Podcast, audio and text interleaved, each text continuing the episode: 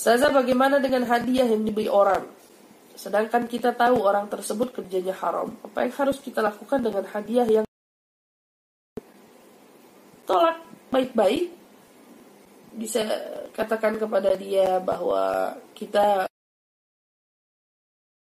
dan lain sebagainya jika memungkinkan uh, akan lebih baik. Namun jika tidak tidak bisa ditolak, ya ternyata harus diterima sedekahnya, tergantung itu dia membutuhkan. Gimana? Hadiah hadiahnya jika diberikan berupa benda yang itu sifatnya tidak berkenaan dengan sesuatu yang dipakai, sesuatu yang apa, ya, benda pajangan atau apa, ya itu tidak tidak menjadi satu masalah yang besar. Tapi yang jadi masalah besar itu adalah di kala makanan.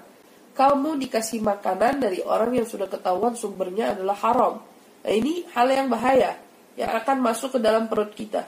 Maka saran saya jika ada pemberian itu, toib terima, namun tidak kau makan, terus diapain mubazir? Lebih baik mubazir yang itu tidak menjadi darah dagingmu, kau buang daripada kau masukkan ke dalam perutmu karena kau mubazir, justru ruginya pada seluruh jasad. Nah ini, pintar-pintar adalah menyikapi. Jadi kalau itu sifatnya makanan, tapi terima, kemudian buang. Sayyidina Abu Bakar Siddiq, sahabat Nabi rahmatullah alaihi tidak pernah mau tidak pernah mau menerima makanan kalau nggak tahu orangnya ngasih siapa.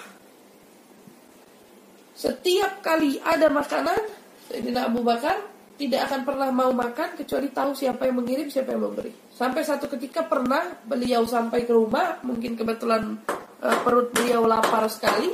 Ini apa ini? Apa ini? Gimana ini? Pernah satu kali perut beliau lapar, uh, maka beliau masuk satu korma yang ada di rumahnya pada saat beliau makan. Mohon maaf ini kalau ada yang terganggu. Hah? ya apa namanya? Beliau uh, beliau termakan pada saat beliau makan masuk sudah masuk ini ke iniannya beliau baru tersadar. Rasa rasanya ini korma bukan punya dia. Beliau lalu bertanya kepada istrinya ini korma dari siapa istrinya kemudian menjawab mana dri saya pulang ternyata benda ini sudah ada di sini Sayyidina Abu Bakar kemudian memasukkan jarinya ke dalam tenggorokannya untuk memuntahkan isi perut yang baru saja dia telan. Wah, kata ihtiyatuhum, ihtimamuhum, penjagaan mereka itu luar biasa kepada hal-hal yang haram.